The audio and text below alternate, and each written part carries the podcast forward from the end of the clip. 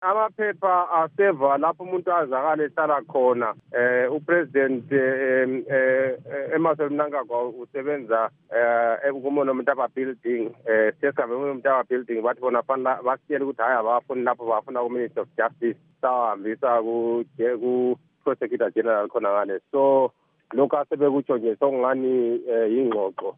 Linanzelele phela lokuthi inauguration akade bekhuluma ngayo sebeyikhansile ngoba bawatholile amaphepha. Angazi ukuthi sebezamani bethuke nje ukuthi upresident Nelson Chamisa ule ule ule evidence eneleyo ezenza ukuthi eh okwachiyo ngu Justice Jigumba eh kwesulwe yes siyabona njalo kulamanye amagwetha athi mm, lolu daba lungani lungahlupha ikakhulu nxa sokubuya emaphepheni la ukuthi lingafaka endaweni engasiyo so-ke nxa kungenzakala njalo lizathini angizwanga lapho ifoni ingane yakhotshela koye um engikutshoyo ukuthi-ke kulamagqwetha athi wona abone ngazani um udaba lolu enxe lungalahlwa ngenxa yokuthi amaphepha ahanjiswanga njalo ngemfanelo. So-ke kungenzakala khonokho lizathini um dokotela?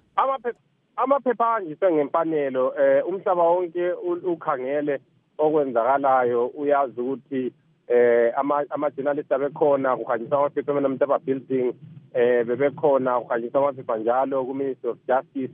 Ngalolo hlobo angazi ukuthi baza bacabanga ukuthi baza eh wenza bazathabisa abantu njalo bazakholwa ngubani eh ukuthi eh amaphepha awahanyiswanga ngoba kwenziwe egcekeni umuntu onke ekhangela amaphepha anikwe amaphepha anikwe u-sheriff we-high court eh so ahanjiswe kathathu.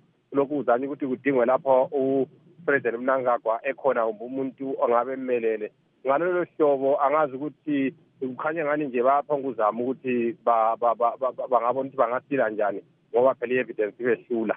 Ye lina libona ngizani lizatshaya njani kulokhu elikwenzileyo? Kuyaphumani hayi hayi i-evidence isegcekeni e, e, e, emasabezulu iqiniso ngelokuthi phela umuntu nxa ebala nxa kulabantu abangu-ten bangu-ten nxa bengu-eleven bangu-eleven. Manje ujustice jigumba wathi abantu bangu-eleven uthe esekhipha amaphepha amaphepha kade no abantu kade bengu-ten khonokho kumgceke phela ukuthi ubekhuluma into ayithandayo nje kodwa engakhuluma into eliqiniso